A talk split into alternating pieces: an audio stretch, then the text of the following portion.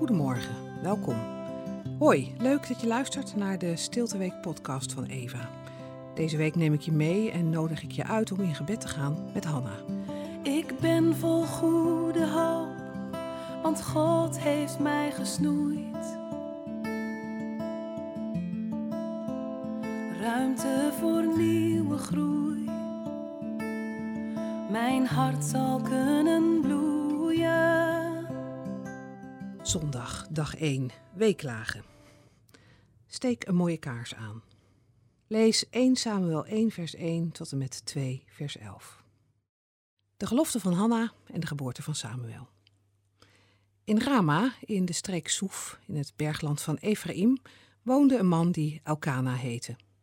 Hij was een zoon van Jerogam, die een zoon was van Elihu, de zoon van Togu, de zoon van Suf, en behoorde tot de stam Ephraim. Hij had twee vrouwen. De ene heette Hanna en de andere Penina.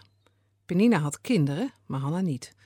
Elk jaar ging deze man vanuit zijn woonplaats naar Silo om daar de Heer van de hemelse machten te vereren en hem offers te brengen. Gofni en Pinegas, de twee zonen van Eli, waren daar priesters van de Heer.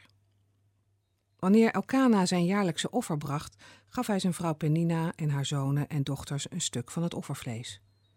Maar het mooiste stuk gaf hij aan Hanna, want haar had hij lief, ook al hield de Heer haar moeders schoot gesloten. Haar rivalen kwetsten haar dan diep door haar te sarren, omdat de Heer haar geen kinderen gaf. Zo ging het jaar in, jaar uit. Elke keer als ze naar het heiligdom van de Heer gingen, treiterde Penina Hanna zo erg dat ze begon te huilen en haar eten liet staan. Toen dat weer eens gebeurde, vroeg Elkana: Waarom huil je, Hanna? Waarom eet je niet en waarom ben je zo bedroefd? Beteken ik niet meer voor je dan tien zonen? Na de maaltijd stond Hanna op en ging naar het heiligdom van de Heer, waar de priester Eli op een bankje bij de ingang zat. Diep bedroefd bad Hanna tot de Heer. In tranen legde ze een gelofte af. Heer van de hemelse macht, ik smeek u, heb toch oog voor mijn ellende. Denk aan mij, uw dienares. Vergeet mij niet. Schenk mij een zoon, dan schenk ik hem voor zijn hele leven aan u. Nooit zal zijn haar worden afgeschoren. Terwijl Hanna zo bad, keek Eli opmerkzaam naar haar mond. Ze bad namelijk in stilte. Haar lippen bewogen wel, maar haar stem was niet te horen. En daarom dacht Eli dat ze dronken was. Hij sprak haar aan en vroeg: Gaat dit nog lang zo duren? Als u dronken bent, ga dan uw roes uitslapen. U vergist u, heer, antwoordde Hanna. Ik heb geen wijn of andere drank gedronken. Nee, ik ga gebukt onder een zwaar verdriet en stort mijn hart uit bij de Heer. Denk niet dat ik een slechte vrouw ben. Ik bid zo lang omdat ik overstelpt ben door droefheid en ellende. Ga dan in vrede, antwoordde Eli. De God van Israël zal u geven waar u om hebt gevraagd. Ik dank u voor uw vriendelijkheid, zei Hanna, en ze ging terug naar haar familie. Haar gezicht was opgeklaard en ze at ook weer. De volgende morgen vroeg bogen ze zich neer voor de Heer, waarna ze zich op de terugreis begaven. Thuis in Rama sliep Elkana met zijn vrouw Hanna en de Heer verhoorde haar. Hanna werd zwanger en na verloop van tijd baarde ze een zoon. Ze noemde hem Samuel, want, verklaarde ze, ik heb hem aan de Heer gevraagd.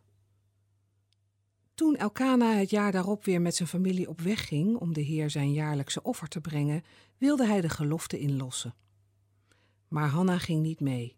Ze zei tegen haar man: Pas als het kind van de borst is, zal ik hem brengen. Dan zal hij voor de Heer verschijnen en daarvoor altijd blijven. Haar man Elkana antwoordde: Doe maar wat jij het beste vindt. Blijf thuis zolang je hem nog zelf voedt. Laten we hopen dat de Heer dan niet van zijn belofte terugkomt.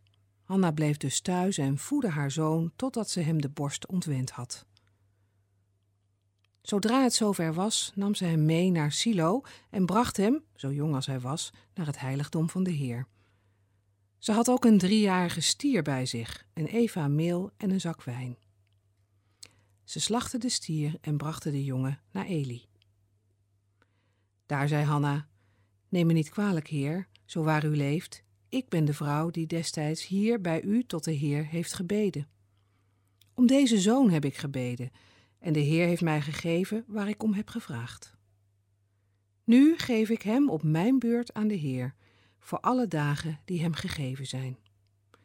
Toen knielde Eli voor de Heer. En Hanna bad: Nu juicht mijn hart dankzij de Heer. Vier heft mijn hoofd zich op, dankzij de Heer. Mijn mond spreekt vrijmoedig tegen mijn vijanden, want dankzij uw hulp beleef ik vreugde. Geen is er heilig als de Heer. Er is geen andere God dan u. Geen rots is er als onze God. Gebruik toch geen grote woorden, blaas niet zo hoog van de toren, want de Heer is een alwetende God. Door hem worden onze daden gebogen. De boog van de helden is gebroken, en wie wankelen weten zich gesterkt. Die genoeg hadden, verkopen zich voor brood, en wie hongerde zijn verzadigd. De onvruchtbare baart zeven zonen, en wie veel kinderen heeft, verwelkt. De Heer doet sterven en doet leven, zendt naar het dodenrijk en luidt eruit omhoog. De Heer maakt arm en hij maakt rijk, vernedert diep en heft hoog op. Hij verheft uit het stof wie berooid is. Uit het vuil tilt hij op wie alles ontbeert.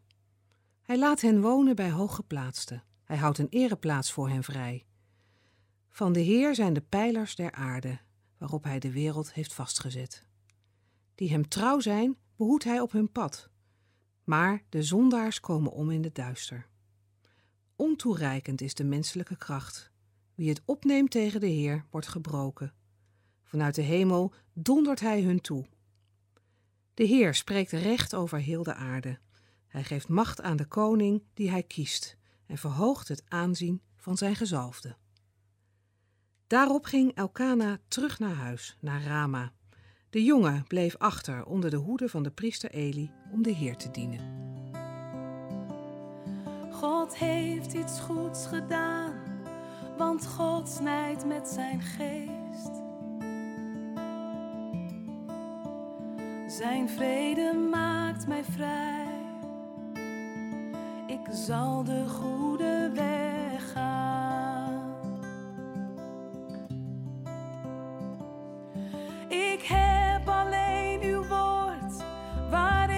Mij steeds aan houd. Mijn huis staat op die steen. Daar kan ik veilig bouwen. Diep bedroefd bad Hanna tot de Heer. Hanna was diep bedroefd, verbitterd ook, maar ze durfde te weeklagen bij God. Bitterheid veroorzaakt onrust. Soms geeft het bepaald vermijdingsgedrag ten opzichte van een ander. Het kan de oorzaak zijn voor negatief kritische gedachten die je steeds weer beheersen. Daarnaast vertroebelt het je blik op een situatie. Welke bitterheid ervaar jij op dit moment? Bij jezelf of in jouw omgeving? Weet iemand anders dit? Uit je dit naar God?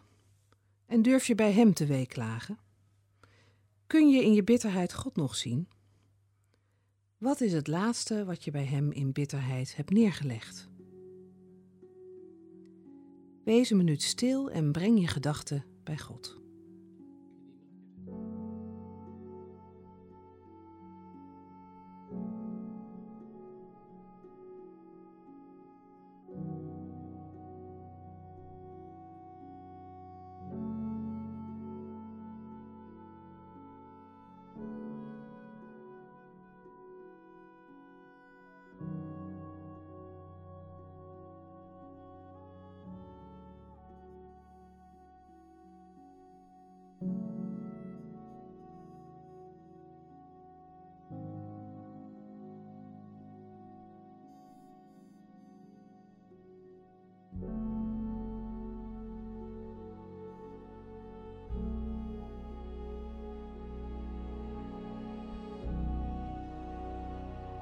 God is een God van troost.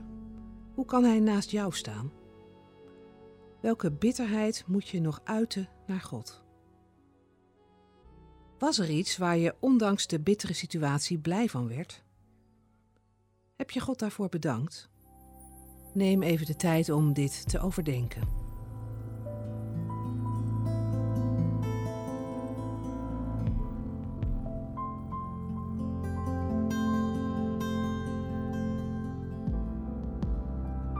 Me naar uw tuin, waar ik mag bijkomen. De takken hangen krom van rijpe vruchten.